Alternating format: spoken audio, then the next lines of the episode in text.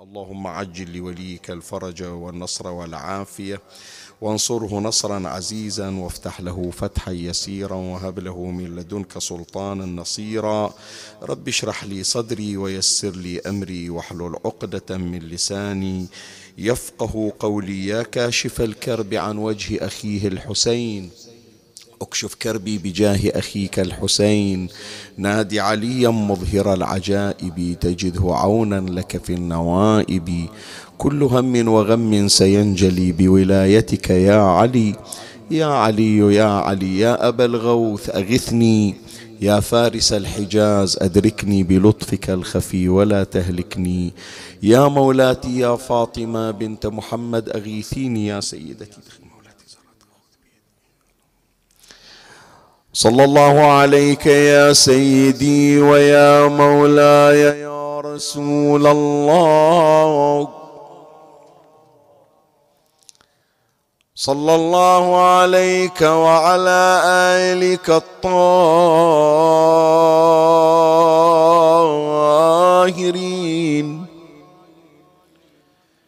فاز من اعتصم بكم.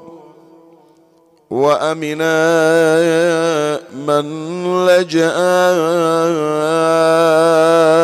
إليكم.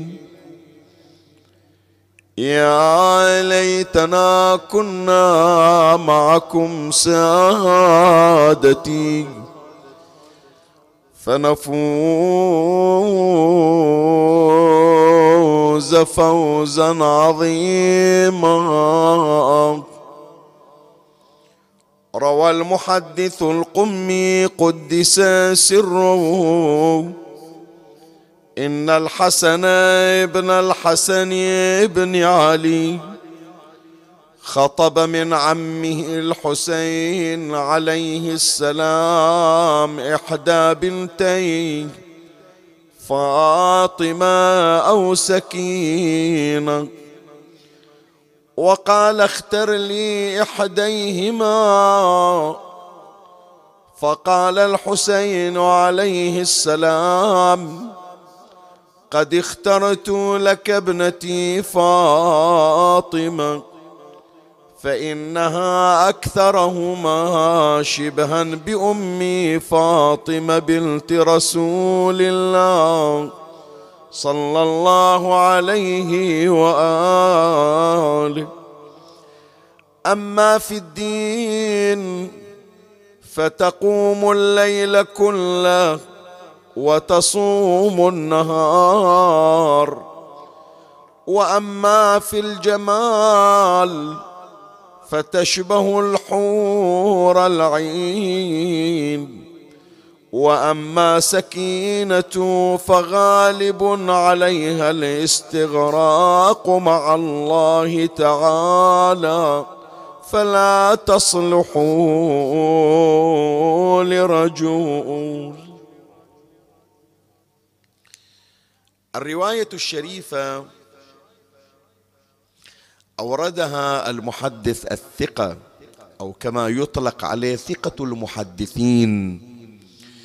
الشيخ عباس القمي رضوان الله على روحه الطاهرة المدفون إلى جوار أمير المؤمنين سلام الله عليه صاحب الكتب المهمة جدا لعله أكثر ما يتبادر إلى أذهاننا من كتبه كتاب مفاتيح الجنان أو كتاب منازل الآخرة. الرجل يعد من المحققين المدققين ألف أيضا مقتلا في الإمام الحسين عليه السلام يعد مصدر من المصادر اسمه نفس المهموم.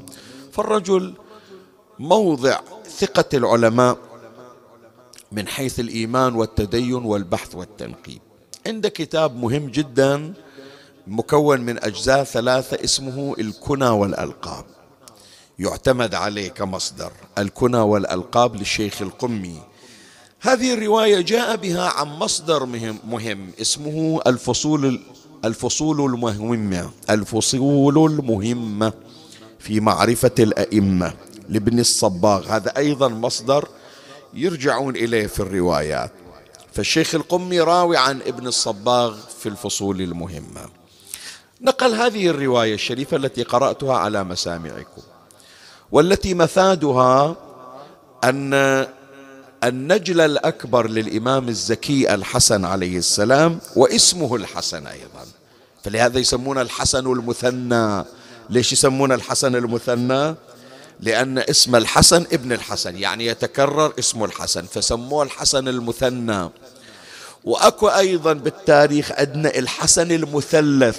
أيضا الحسن جاب ولد سماه الحسن فصار الحسن ابن الحسن ابن الحسن ابن علي بن أبي طالب. فأهل البيت يهتمون بهذه الأسماء ويريدون يكثرون من عدها.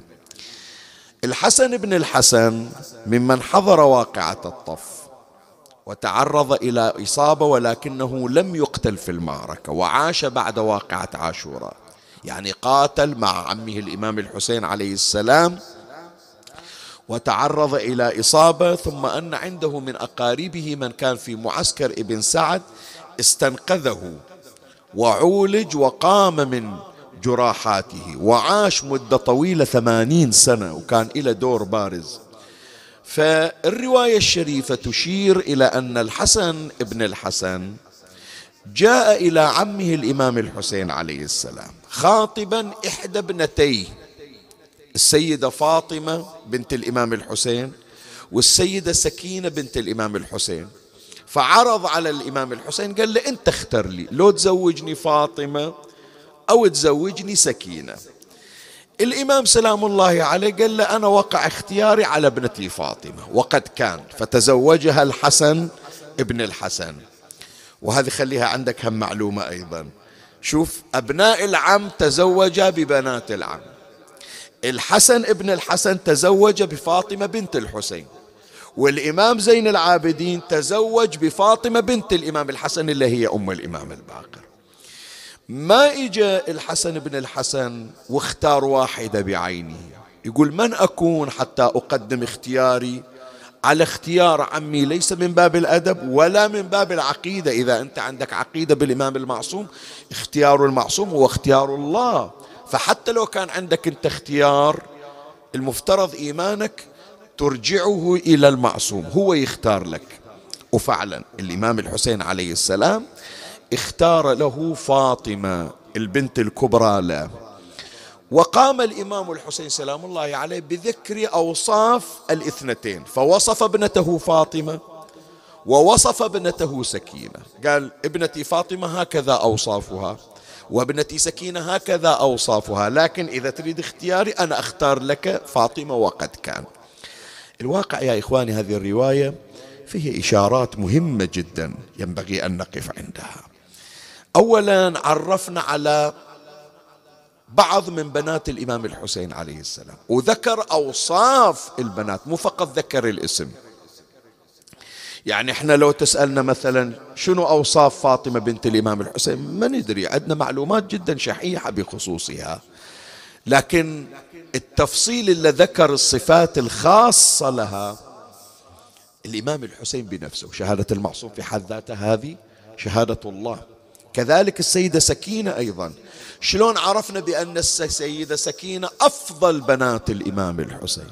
من خلال كلام الإمام الحسين واحدة منها هذه الروايات. فهناك إشارات جدا مهمة.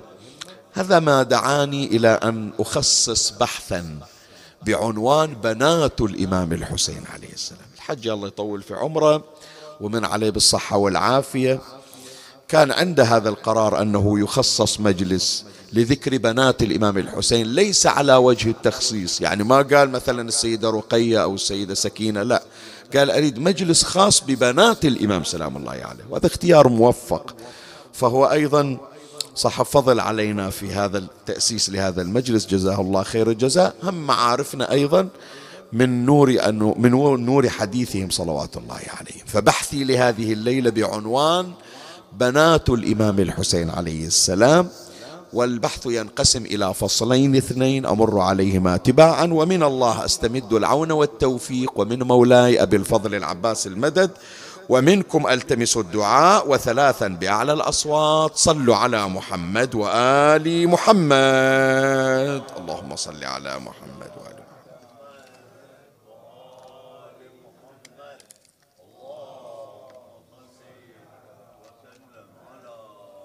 اللهم صل على محمد وآل محمد وأجل فرجه. اللهم صل على محمد وآل محمد وعجل فرجهم مولاي الكريم أنت حيثما كنت اسمعني وفرغ لي قلبك وأعرني سمعك وأقبل علي بكلك.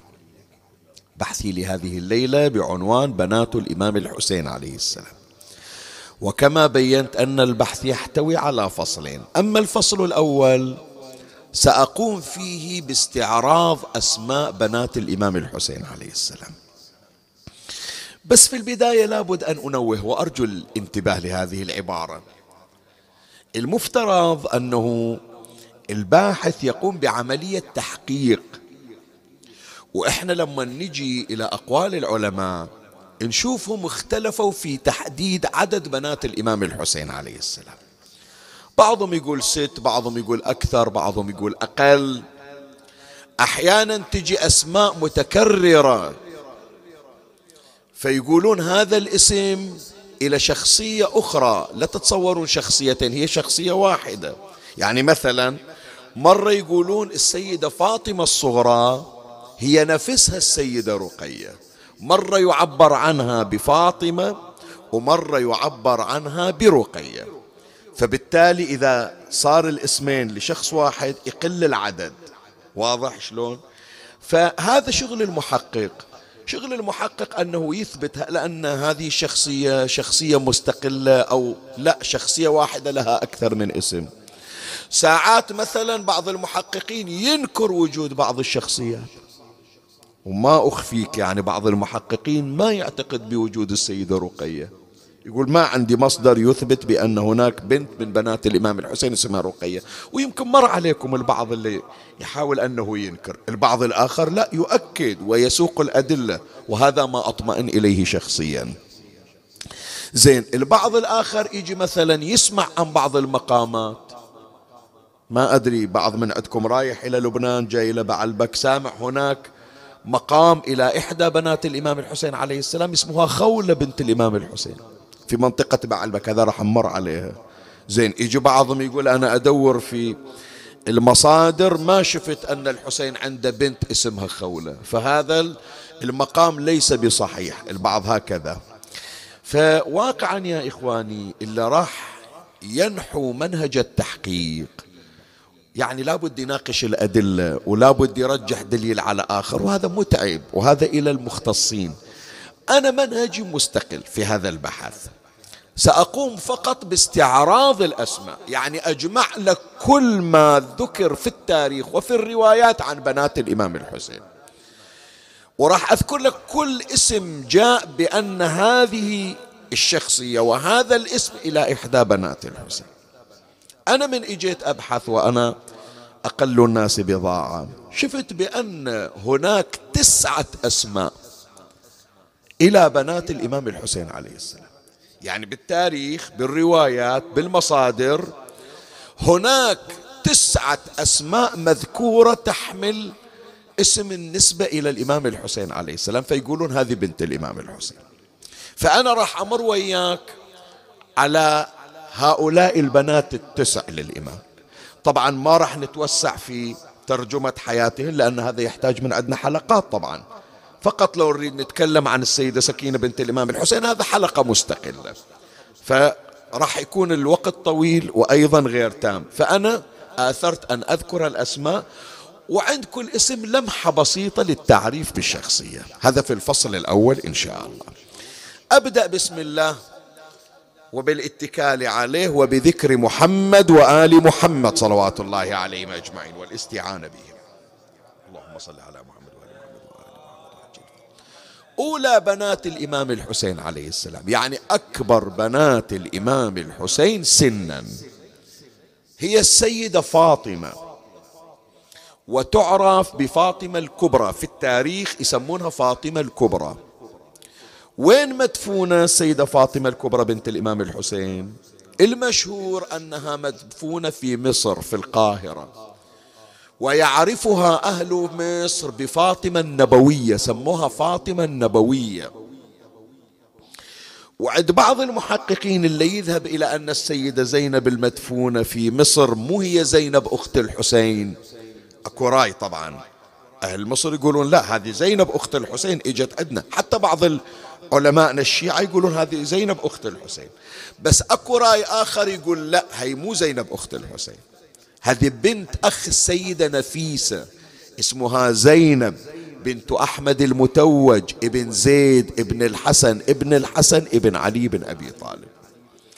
أقول إذا قلنا بأن السيدة زينب المدفونة في مصر مو هي أخت الحسن والحسين وإنما هي زينب بنت أحمد المتوج فتكون أول امرأة من بني هاشم دفنت في مصر من هي؟ فاطمة بنت الإمام الحسين عليه السلام. والمعروفة يسموها فاطمة النبوية. وخل في بالك هذه معلومة ضمها عندك. إذا يوم من الأيام تسمع في العرف المصري أو في التراث المصري أكو البعض يسمون بناتهم نبوية. ترى هذا الاسم مأخوذ علما. شنو يعني نبوية؟ نسبة إلى فاطمة بنت الإمام الحسين. لأن سهل مصر سموها فاطمة النبوية حتى يعرفون أنها هاشمية أبوها الحسين ابن علي. سموها فاطمة النبوية بعدين إخذوا الاسم قاموا يسمون بناتهم بنبوية نسبة إليها. وفاطمة كما أشار إليها أبوها الإمام الحسين عليه السلام. حازت على منتهى الكمال في الخلق والأخلاق. أما الجانب الخلقي عبر عنها الإمام الحسين بأنها أشبه بالحور العين يعني جمالها فاق جمال البشر. ولا تعادل أحدا في الجمال إلا أمها فاطمة بنت نبينا محمد صلى الله عليه وآله هذه كلمة الإمام الحسين عليه السلام قال اخترت لك ابنتي فاطمة فهي أكثره أكثرهما شبها بأبي بأمي فاطمة. يعني سكينة هم تشبه الزهراء عليه السلام. لكن بنت فاطمة الكبرى أكثر شبها بأمي فاطمة. فهي أكثرهما شبها بأمي فاطمة بنت رسول الله. هذا الوصف الخلقي. أما في الدين الآن الأخلاق يتكلم الإمام الحسين عن أخلاقها. أما في الدين فتقوم الليل كله وتصوم النهار. وأما في الجمال فتشبه الحور العين. فوق هذا أيضا السيدة فاطمة بنت الإمام الحسين الكبرى. هذه مستودع أسرار الإمامة. يعني أهل البيت الأئمة إذا عندهم أسرار خاصة يريدون يحتفظون بها ما يعطونها لأي أحد. مثلا أكو هناك أسرار وودائع ودائع النبوة والإمامة. الإمام الحسين عليه السلام يوم طلعت من المدينة خلاها عند أم سلمة.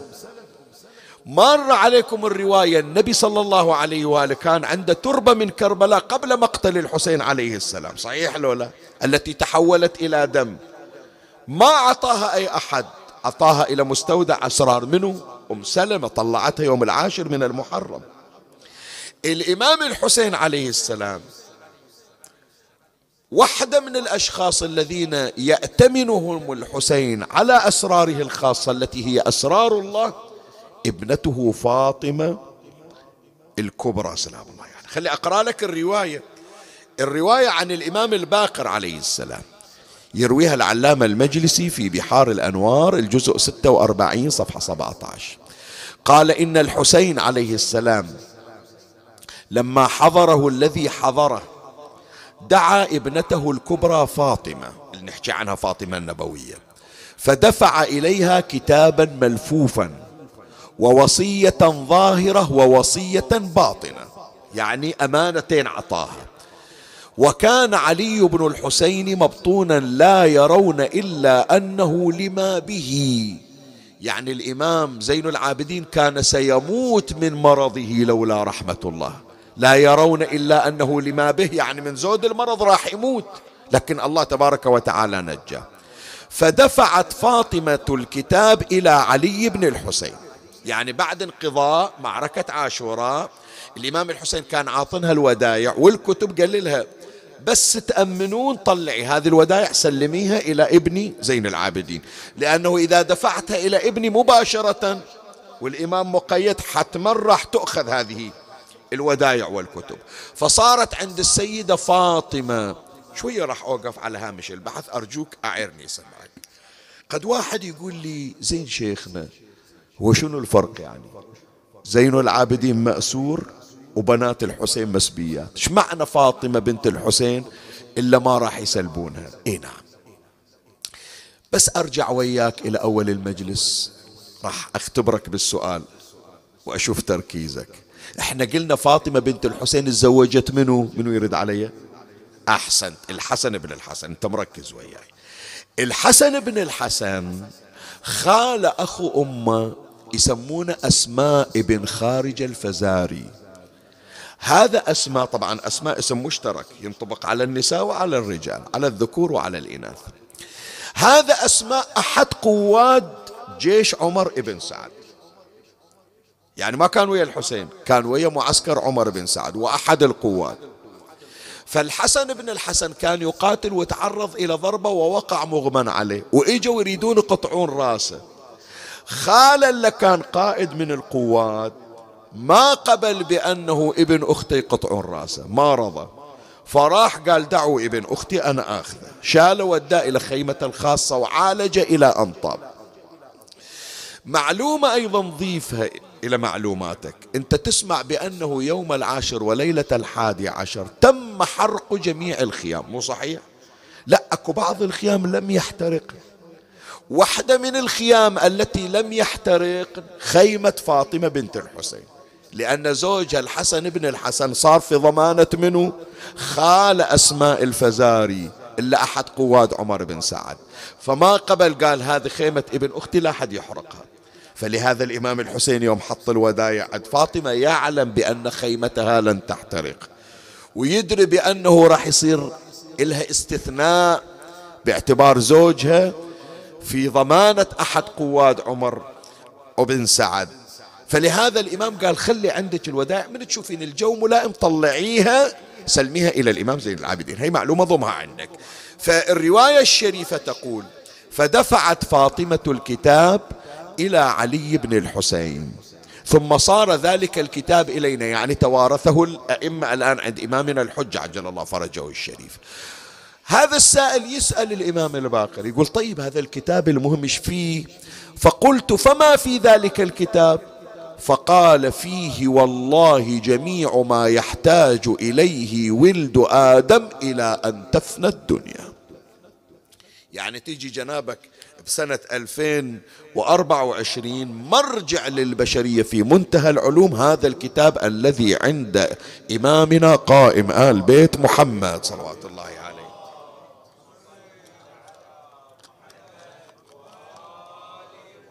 إذا البنت الأولى من بنات الإمام الحسين عليه السلام السيدة فاطمة الكبرى وتعرف حاليا في مصر بفاطمة النبوية. البنت الثانية واسمها سكينة.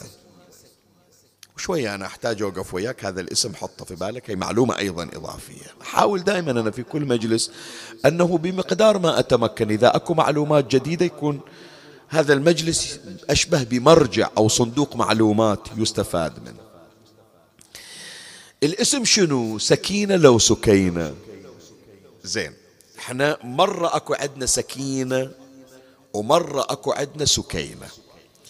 بعض العلماء قال لا الاسم سكينة فأنزل سكينته عليه.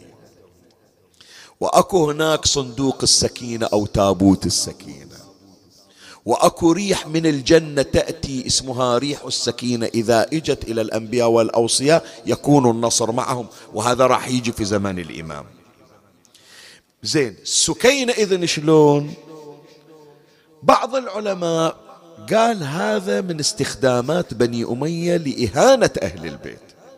لأن سكينة للتصغير والتصغير يجي للتحقير. فما يريدون يقولون سكينة يصغرون من قدرها. قالوا سكينة. هذا رأي عند البعض. بس يا إخواني من نرجع إلى علماء البلاغة تصغير الاسم مو دائما من أجل التحقير. ليش؟ لأنه لو نقول أن كل تصغير اسم تحقير. حسين شو تقولون؟ تصغير لو مو تصغير؟ شو تقولون؟ أهل ذوق وأهل فن عربي. لفظة حسين على وزن فعيل تصغير لو مو تصغير؟ تصغير إلى شنو؟ منو يقول لي؟ حسن. حسن يصغر فيصير حسين. شو تقول؟ أمير المؤمنين والزهراء وجبرائيل يوم نزل يريد يهين الحسين بالاسم؟ بس هذا يقولون للتدليل لزيادة المحبة. شايف انت الام لما تريد تدلع ولدها تقول له علاوي علاوي كذا.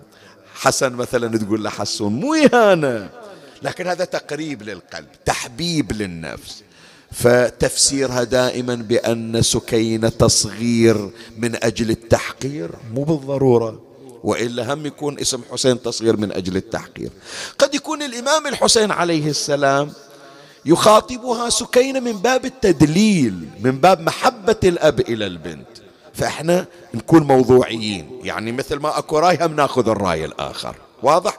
وعلى أي حال. فهو إما يقال سكينة أو يقال سكينة. زين.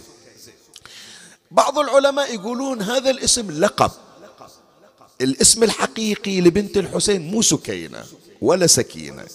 اسمها آمنة وقيل أمينة.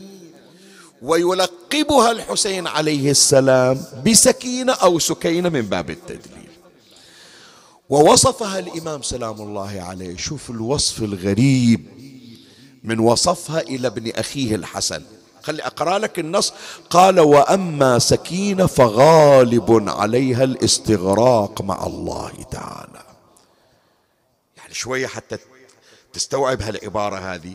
قبل لا يوصف الإمام الحسين سكينة وصف أختها فاطمة. شنو وصفها؟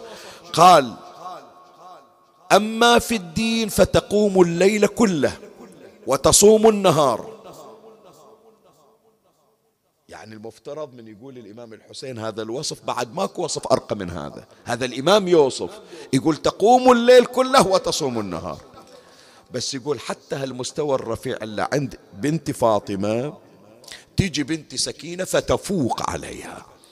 يعني فاقت مسألة القيام في الليل وصوم النهار. قال وأما سكينة فغالب عليها الاستغراق مع الله تعالى. شوف عبارة الإمام الحسين. قال فلا تصلح لرجل. إحنا لو نقول هالكلمة لأي واحدة ترى ما تصلح تتزوج هذه ما توالم لرجال يمكن نعتبرها نقص صحيح لو لا؟ بس كلمة الإمام الحسين فلا تصلح لرجل شنو يعني؟ تنقيس في سكينة؟ لا يقول إلى الآن ماكو رجل كف إلى سكينة بنت الحسين. لأنه امرأة فرغت نفسها إلى الله. والرجل بطبيعة الحال يحتاج إلى احتياجات خدمة منزل خدمة فراش خدمة تربية وما إلى ذلك. وهي مخلية كل وقتها إلى الله. استغرقت في الله. الإمام يقول استغرقت في الله. حياتها كلها مع الله عز وجل. والغريب يا إخواني شوية ما, ما يخالف. بس تحملني الليلة يعني. تدري لما يجون يحجون عن السيدة سكينة بنت الإمام الحسين؟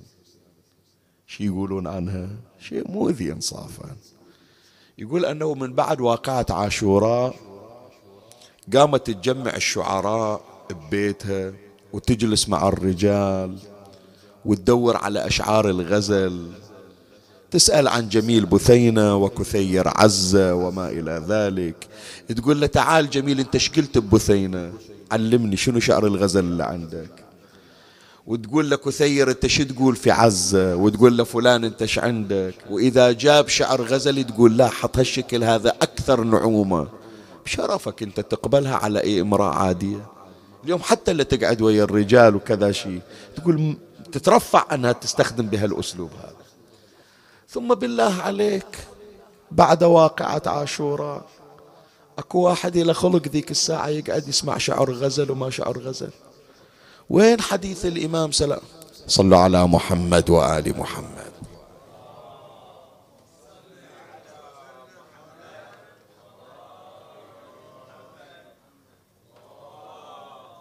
تفضلوا مولاي سيدنا الجليل تفضلوا حبيبي سيدنا. اللهم صل على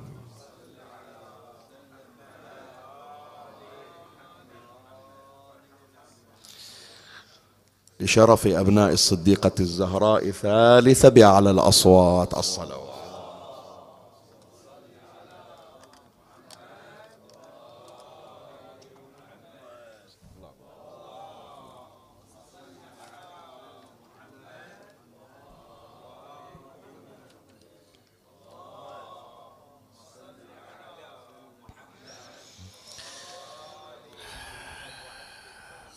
مساكم الله بالخير سيدنا الجليل حياكم الله. شرف مجلسنا لهذه الليلة سماحة الأب الوالد المربي الذي من علي وأنعم وجعلني في كنفه وأفاض علي بعلمه واعتبرني وأنا الأقل أحد أبنائه. فكنت في أيام مجاورتي لمولاتي الحوراء زينب عليها السلام كان عينها الناظرة لي. رعاني ولا زلت ممتنا وأعتبر نفسي صدقة من صدقاته فجزاه الله خير الجزاء. صلوا على محمد وآل محمد.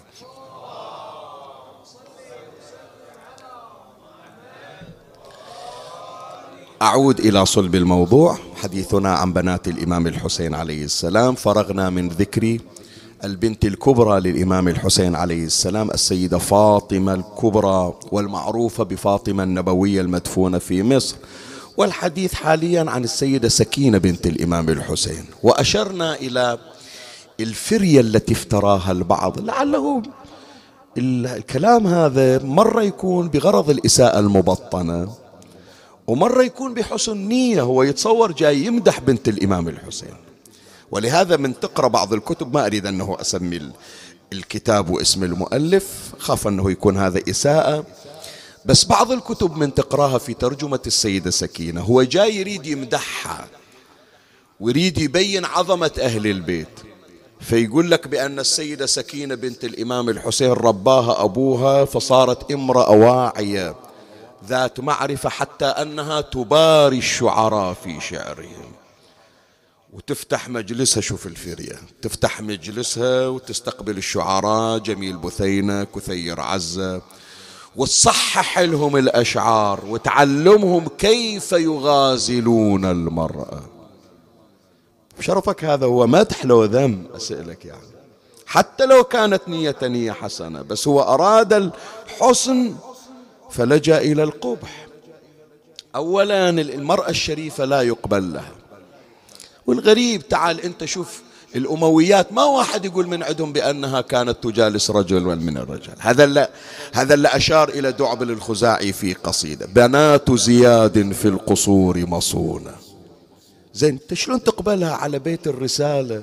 أنت ما تقبلها على نسائك أنهن يجالسن الرجال. ثانيا أهل البيت بعد واقعة الطف. وين؟ وعالم الغزل والشعر وين؟ الإمام الباقر عليه السلام يقول ما اكتحلت هاشمية ولا رجلت شعرها حتى بعث المختار براس عبيد الله بن زياد. هي السيدة سكينة بهذا العالم. السيدة سكينة روح اقرأ تاريخ الحقيقي تاريخ رسالي تاريخ عطاء. في ترجمتها إذا خرج الإمام زين العابدين عليه السلام حاجة روح اقرأ عن سفرة السيدة سكينة. سفرة السيدة سكينة. أخذ العنوان وأنا أطلب من عندك تبحث هذا مجهود فردي. شنو سفرة السيدة سكينة؟ قيمتها ألف درهم باسمها يوزعها الإمام السجاد في الحج على الفقراء وعلى الحجيج باسم السيدة سكينة بنت الإمام الحسين. يا إخواني هذا اللي يمدحها الإمام سلام الله عليه. اللي يعبر عنها بخيرة النسوان. مار عليك بالمقتل لو لا؟ لا تحرقي قلبي. بنعيك حسرة ما دام من الروح في جثماني. فإذا قتلت فأنت أولى بالذي تأتينه يا شنو؟ يا خيرة النسوان. خيرة النسوان تقعد ويا الرجال وتتعاطى أشعار الغزل مع الأجانب. هي هذه خيرة النسوان. اللي يقول فيها الإمام الحسين عليه السلام لعمرك إنني لأحب دارا. تحل بها سكينة والرباب. أحبهما وأبذل جل مالي. يقول مستعد أدفع فلوس نظير الجلسة لمدة ساعة في دار فيها ابنتي سكينة وهو الإمام. الإمام ما يبحث عن هذه المجالس. يبحث عن المجالس التي تقرب إلى الله تبارك وتعالى. زين إذا منين جاية هذه الفرية؟ أنه سكينة بنت الإمام الحسين كانت تجالس الشعراء. لا هي مو سكينة بنت الإمام الحسين. ترى هي سكينة بنت مصعب ابن الزبير. والتاريخ يعني أنا ما أحب أخوض في هذا الجوانب وأسهب فيها أكتفي فقط بالإشارة من باب التوضيح. استعان مصعب بن الزبير ببعض الأقلام المأجورة قال له شو أسوي؟ شاع الخبر عن ابنتي. قال له بسيطة بسيطة ادفع فلوس شوف شو أسوي لك. بدل الاسم من سكينة بنت مصعب لزقها بسكينة بنت الإمام الحسين عليه السلام. شفت شلون؟ شفت المظلومية اللي مرت على أهل البيت ولا زال التاريخ يظلمهم. على أي حال فهذه هي البنت الثانية من بنات الإمام سلام الله عليه. البنت الثالثة من بنات الإمام الحسين السيدة فاطمة التي بقت في المدينة والمعروفة في الوجدان الشعبي بفاطمة العليلة. واقعا يا إخواني أنا أقول لك إحنا يمكن اخذنا أخذتنا العاطفة كثيرا وما أعطينا حق هذه المرأة الطاهرة. لأن كان لها دور مهم تدري لولا فقط معلومة سريعة. المنقدح في أذهاننا بأن خبر مقتل الحسين عليه السلام لم يصل إلى المدينة المنورة إلا على لسان بشر ابن حذلم في أبياته المعروفة يا أهل يثرب. مو صحيح حتى أنه من نقرأ عن قصة محمد بن الحنفية وأنهم أخفوا عليه الخبر وأم البنين تسأل بشر ابن حذلم نتصور بأنه أهل المدينة ما كانوا مسبوقين. ما حد يدري بأن الحسين قتل. لا هذا الكلام عار عن الصحة. أهل المدينة أول الناس الذين عرفوا بمقتل الحسين. يعني في وقت مقتل الحسين حتى قبل الكوفة وقبل أي منطقة أخرى غير كربلاء كانوا يعلمون بمقتل الإمام سلام الله عليه يعني. شلون واحدة من قنوات معرفتهم بمقتل الحسين أم سلمة والتربة هذه المعروفة عند السنة والشيعة تربة كربلاء كانت قد استودعت في قارورة وأودعها النبي عند أم سلمة وأمرها بأن تتفقدها فإذا تحول التراب إلى دم عبيد فهو إشارة إلى أن الحسين عليه السلام قد قتل. وطلعت أم سلمة وأخبرت وابن عباس روج خبرها وانتشر الخبر. نعم تفاصيل المقتل ما كان عندهم الخبر الثاني إلا وصل إلهم يعلمهم بقتل الحسين. هذا دور السيدة فاطمة العليلة. إلا مع الأسف هو مغيب. مغيب منبريا. وإذا يجي ترى يتصورون أنه خيال شاعر. ما مر علينا إحنا بعض الراثين. ينقل قصة محاورة بين السيدة فاطمة العليلة مع الغراب لولا. مو مر علينا؟ حتى المرحوم ملا عطية رحمة الله عليه. عنده قصيدة خاصة بهذا الأمر. منها الذي تنعاه يا غراب المنية شيبت راسي وهيجت حزني علي إلى آخره. فإحنا نتصور بأن هذا خيال. حتى البعض يقول ما لي داعي إذا خيال ليش أنا أجيبه؟ والحال أنها رواية في المصادر المهمة. خلي أذكر لك الرواية الرواية عن الإمام زين العابدين عليه السلام في بحار الأنوار الجزء 45 صفحة 171 قال عن علي بن الحسين عليهما السلام قال لما قتل الحسين بن علي صلوات الله عليهما جاء غراب فوقع في دمه. يعني نزل الغراب على منحر الإمام سلام الله عليه وصار يصبغ جناحه بدم الإمام سلام الله عليه. قال فوقع في دمه ثم تمرغ ثم طار فوقع بالمدينة على جدار فاطمة بنت الحسين ابن علي عليه السلام. وهي الصغرى فرفعت رأسها فنظرت إليه فبكت بكاء شديدا وأنشأت تقول نعب الغراب. فقلت من تنعاه ويلك يا غراب. طبعا إحنا إذا أخذناها بجانب عاطفي نقول لا هذه طفلة وتبكي وكذا. لا. انت تعرف هذا اي واحد كان يتحدث عن قضية الحسين؟ هذا يعني منضم إلى صفوف المعارضة. هذا يتعرض إلى التصفية. لا السيدة فاطمة تحدت كل شيء وصارت تخبر بجريمة قتل أبيها الحسين بن علي سلام الله عليه. هذه البنت الثالثة من بنات الإمام الحسين عليه السلام. البنت الرابعة السيدة فاطمة الصغرى. أكو عندنا فاطمة بنت الحسين زوجة الحسن بن الحسن تكلمنا عنها. وأكو فاطمة العليلة إن شئت أن تسميها الوسطى. ويمكن نسائنا يسمونها فاطمة الكبرى هي فاطمة الكبرى زوجة الحسن بس حتى يفرقون بين فاطمة العليلة وفاطمة الصغرى. بالرخصة من سماحة السيد ومن حضراتكم الكلمة ترى تؤذي قلب الإمام الحجة لأنه فعلا موقف مؤلم جدا. وهذا من المواقف المشهورة في السيرة. يرويها العلامة المجلسي في بحار الأنوار الجزء 45 صفحة 136 هي السيدة فاطمة بنت الحسين الصغرى تنقل. قالت ولما جلسنا بين يدي يزيد رق لنا. فقام إليه رجل من أهل الشام أحمر فقال يا أمير المؤمنين هب لي هذه الجارية. يريدها ياخذها تخدم في منزله. حتى السيد بن طاووس في مقتله اللهوف ينقل كلمة عنها مولاتي تقول عم أيتمت من والدي وأستخدم في المنازل.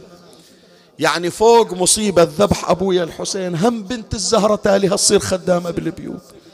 الذي ارتعشت زينب وقالت لا عليك ليس ذلك له. أكمل لك الرواية؟ فقال يا أمير المؤمنين هب لي هذه الجارية يعنيني. وكنت جارية وضيئة فأرعت وظننت أن ذلك جائز لهم فأخذت بثياب عمتي زينب. وكانت تعلم أن ذلك لا يكون. هذه البنت الرابعة من بنات الإمام الحسين عليه السلام. البنت الخامسة حتما جنابكم زرتون قبرها في الشام السيدة رقية بنت الإمام الحسين عليه السلام. البعض يحاول ينفي وجودها يقول ما موجودة بالمصادر المعتبرة بس السيد الأمين رضوان الله عليه في أعيان الشيعة أثبت أنها مدفونة في الشام. سيد آية الله ذبيح الله المحلاتي في كتاب رياحين الشريعة هذا أيضا كتاب مهم أثبت قضيتها وغير هذين العلمين أكو أيضا بنت أخرى ما تسعفنا المصادر في سيرة لها. اسمها زينب. زينب بنت الإمام الحسين. ذكرها السيد حسن اللواساني في كتابه الدروس البهية. زين. أكو بعد بنات ثنتين واحدة اسمها عاتكة الثانية اسمها صفية. هذه شلون عرفوا بأن الحسين عنده عاتكة وصفية؟ في مقتل أبي مخنف يقول نادى الإمام الحسين عليه السلام يا أم كلثوم ويا سكينة ويا رقية ذن الثلاث معروفات. ويا عاتكة ويا زينب ويا صفية يا أهل بيتي عليكن مني السلام فهذا آخر الاجتماع وقد قرب منكن الافتجاع. فواحده من بنات الإمام الحسين اسمها السيدة صفية. وين مدفونة؟ جنابكم رايحين إلى بعلبك وجايين إلى المقام المعروف المزار المعروف للسيدة خولة. بنفس بعلبك هناك مزار لا يقل في الحجم عن مزار السيدة خولة بنت الإمام الحسين. يسمونه مزار السيدة صفية وهذا مسجل في الوثائق الرسمية يسمونه حوش تل صفية. يعني من قديم كانوا يعرفون هذا المكان لصفية بنت الإمام الحسين. أنا قرأت في بعض المواقع أنه المنطقة هناك مختلطة بين المسلمين والمسيحيين. نفس النصارى والمسيحيون في كنائسهم إذا تعسر عليهم أمر أو مرض عندهم أحد يتوسلون إلى الله بصفية بنت الإمام الحسين. وهناك فعلا أنا رحت يعني ما كنت أعلم عن هذا المكان فلما رحت زرته فعلا مقام يعني تقشعر له الأبدان. والناس تجيه من أماكن متعددة سنة وشيعة مسلمون وغير مسلمين. فإذا من بنات الحسين السابعة والثامنة عاتكة وصفية. الأخيرة من بنات الحسين وهي التاسعة خولة بنت الإمام الحسين المدفونة في بعلبك. وهذا ذكرها ميخائيل ألوف صاحب كتاب تاريخ بعلبك. هذا الكتاب يعتبر مرجع في تاريخ بعلبك وكان صادر في سنة 1889 يعني قديم الكتاب. يذكر بأنه خولة بنت الإمام الحسين مدفونة هناك. الآن تفاصيل خولة هل هي البنت التي وقعت من على ظهر الناقة؟ أكو عندنا روايات تشير إلى أن طفلة سقطت من الركب الحسيني. وأكو روايات تشير إلى أنها نامت عند شجيرة ونزلت الحوراء زينب. قد تكون هي السيدة خوله في بعلبك. فالفصل الأول ذكرت لك تسعا من بنات الإمام الحسين دون وجه تحقيق. ما إجيت أثبت أنفي فقط استعرضت ما هو موجود في كتب التاريخ ممن نسبنا إلى الإمام الحسين. الفصل الثاني والأخير بخمس دقائق أختمة. الرواية التي قرأتها واقعا تكشف لنا مجموعة من سمات الإمام الحسين عليه السلام. خلي باعتبار شرفوا مجلسنا مجموعة من الحضور الكرام على رأسهم سماحة السيد. خلي أقرأ لك الرواية التي ابتدأت بها صدر المجلس واللي يرويها شيخ القمي على الله مقامه في الكنى والألقاب. قال إن الحسن ابن الحسن ابن علي خطب من عمه الحسين عليه السلام إحدى بنتيه فاطمة أو سكينة. وقال اختر لي إحديهما. فقال الحسين عليه السلام قد اخترت لك ابنتي فاطمة فهي أكثرهما شبها بأمي فاطمة بنت رسول الله صلى الله عليه وآله. أما في الدين فتقوم الليل كله وتصوم النهار وأما في الجمال فتشبه الحور العين وأما سكينة فغالب عليها الاستغراق مع الله تعالى فلا تصلح لرجل. ذكرنا الرواية وفسرناها. هذه الرواية يا إخواني مو بس تحدد لنا سمات ابنتي الحسين فاطمة وسكينة لا. هي تبين لنا عظمة الإمام الحسين. خلي أبين لك ثلاثة سريعا من سمات الإمام. أولا الوضوح عند الإمام الحسين. مرة واحد يا إخواني وحشى الإمام وحشى حضراتكم. يستخدم اللف والدوران. يعرف لما يكون واضح في مبادئه أو في خططه راح يفقد مجموعة من جماهيره. فما يكون واضح والبعض يقول ما يخالف أنا راح أوضح موقفي بس مو الآن. الآن ماكو مصلحة أني أكون واضح مع الناس. بس بعدين راح أوضح لهم.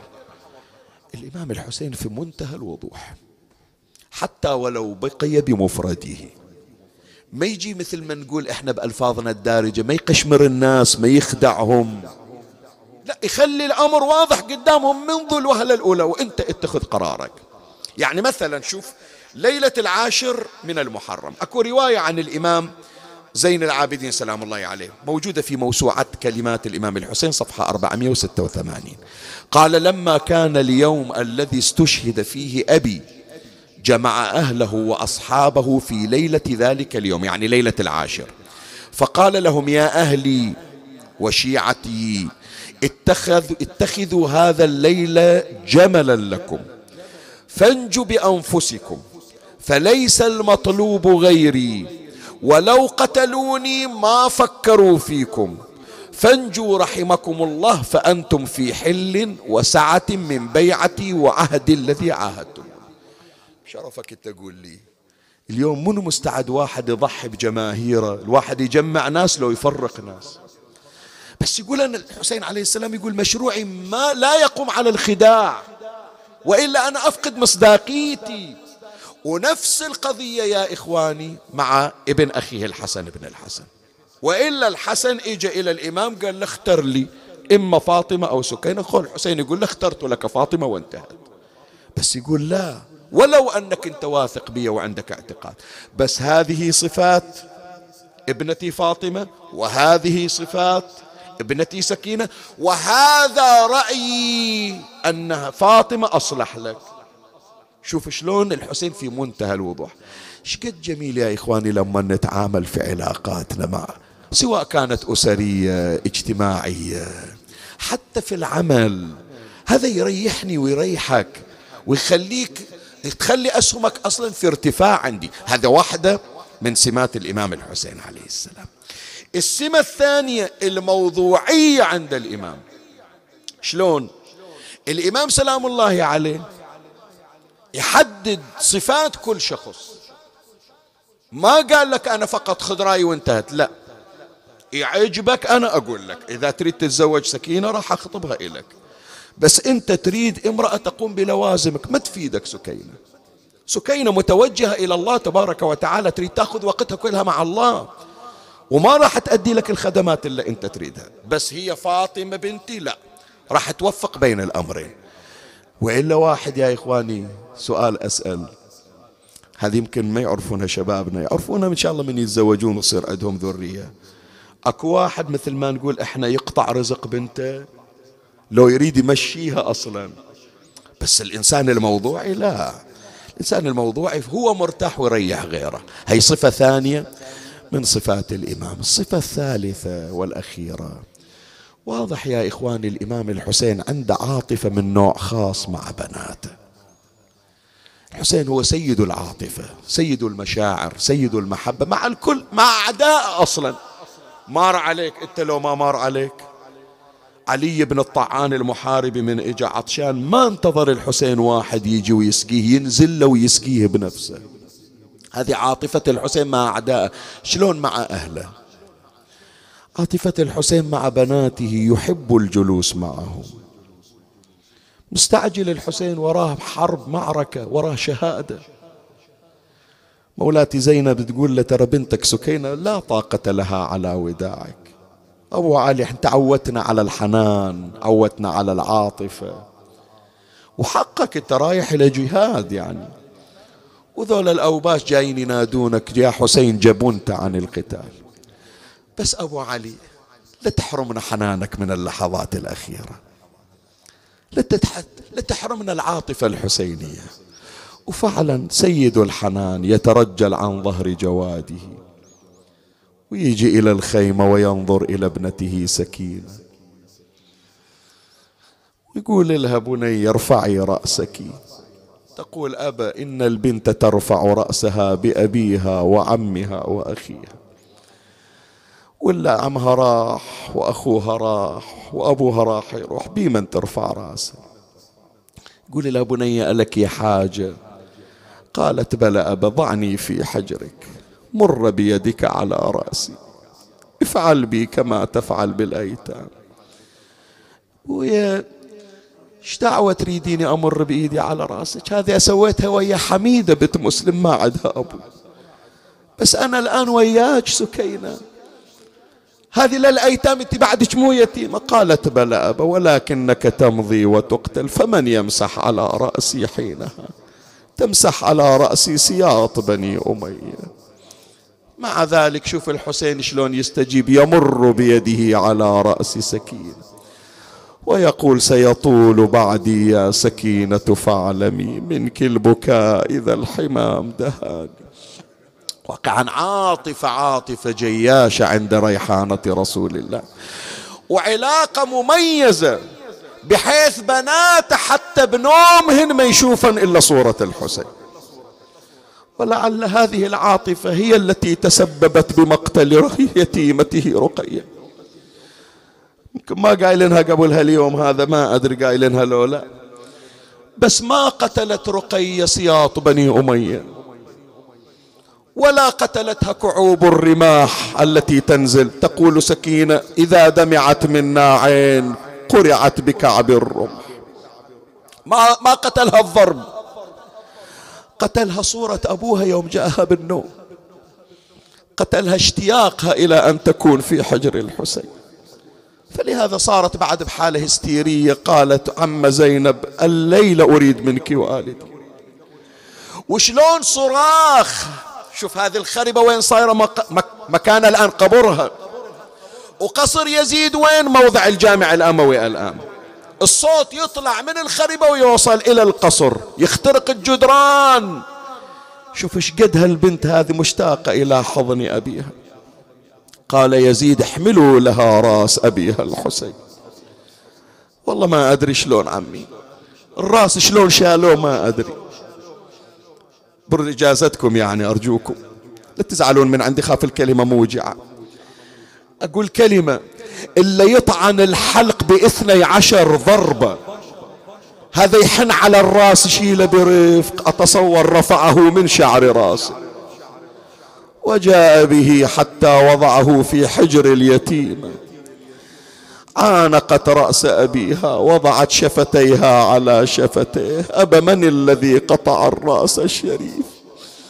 أب من الذي خضب الشيب العفيف أب من الذي أيتمني على صغر سني؟ سيد صاحب التظلم يقول صارت تناديه أبا انظر إلى عمتي المضروبة. أبا انظر إلى أختي المسلوبة. بويا ضعنا عقبك يا الحنون يا ما حد وصل بحياتك إلنا. شوف إيش صار بين لا زالت تنادي أبا أبا حتى هدأ صوتها. نادى زين العابدين عم زينب ارفعي رقيان راس والدي. جاءت مولاتي الحوراء نظرت إلى رقية شابكة على رأس الحسين بيديها. واضعة خدها على خد حركت رقية وإذا بها ميتة صحيت يا خويا يا خويا يا خويا ذوبت قلب بناتك يا ابو علي يا خويا ذوبت قلبي بناتك والشيبة راسي خواتك. هذه تصيح عم ويلة عمي. وهذه تقول ضيعني ابنه إيه هذه تقول ضيعني.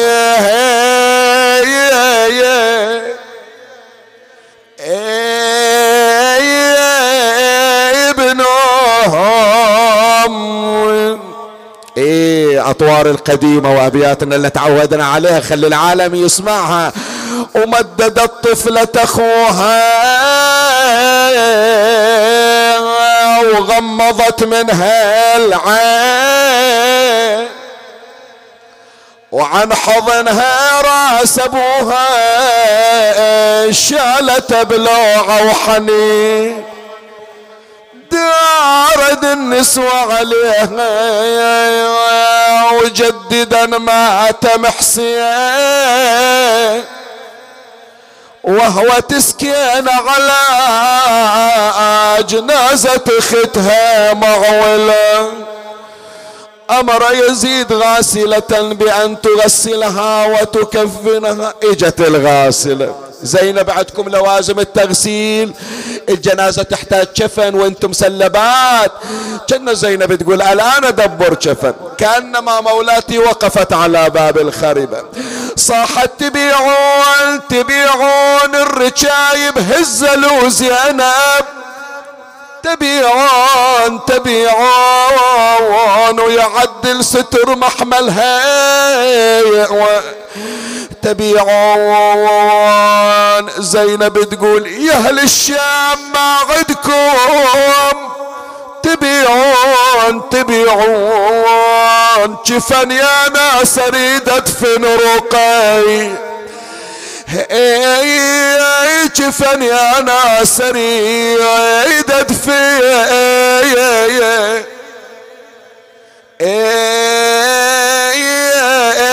رقي مسك الختام إذا الك حاجة متعسرة. بنية شفاء المرضى. وبنية الفرج العاجل لنا ولإخواننا المسلمين سيما المنكوبين في فلسطين أقرأ هذه الكلمة بهذه النية. الله ينطيكم السلامة وتعيشون أسعد أيامكم ويا أحبائكم. بس تعرف هذا اللي يسافر ويفقد عزيز بالسفر من يرجع يقول شو راح أجاوب أهله من يسائلوني؟ زينب رجعت للمدينة وأول ما طبت الدار وياها قافلة النساء والأطفال. كان فاطمة العليلة تحسب النساء تحسب الأطفال. تقول هذه أخواتي ذن عماتي. بهالأثناء استوقفت عمتها زينب. إي رقية يا عم ما شفتها. رقية يا عم ما شفتها. أخاف يا البنات معرفتها ونت الحارة وجاوبتها وأنا بالشام يا بنت دفنت. ألا لا تزان الدار إلا بأهلها. على الدار بعد الراحلين. سلام على حسابك تعلمت النياحة. لا تقول زينب مستراحة. أنا عقبك ما شفت يا حسين. اللهم صل على محمد وآل محمد. يا قاضي الحاجات يا مجيب الدعوات يا سامع الشكايات اسمع لنا واستجب يا الله. بك يا الله بمحمد بعلي بفاطمة بالحسن بالحسين بعلي بمحمد بجعفر بموسى بعلي بمحمد بعلي بالحسن بالحجة ابن الحسن. بجاي كل ذي جاه عندك اقض حوائجنا يا الله.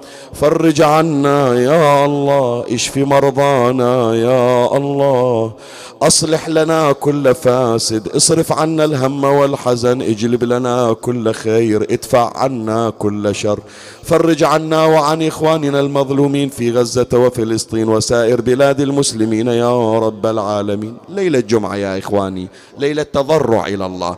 يا دائم الفضل على البرية. يا باسط يدين بالعطية. يا صاحب المواهب السنية. صل على محمد وآله خير الورى سجية. واغفر لنا يا ذا العلا في هذه العشية. اكتبنا في هذه الساعة من عتقائك من نار جهنم. عجل اللهم فرج إمامنا صاحب العصر والزمان. شرفنا برؤيته وارزقنا شرف خدمته. وارض اللهم قلبه عنا فإن في رضا قلبه رضاك. المؤسس أطل اللهم في عمره وبارك في رزقه ومده بالصحة والعافية. تلح ترحم على أمواته وأمواتنا وأموات المؤمنين والمؤمنات. وعلى عجزنا يوم نلقاك. وبلغ أمواتنا وأموات المؤمنين والمؤمنات ثواب هذا المجلس الشريف وثواب الفاتحة مع الصلوات.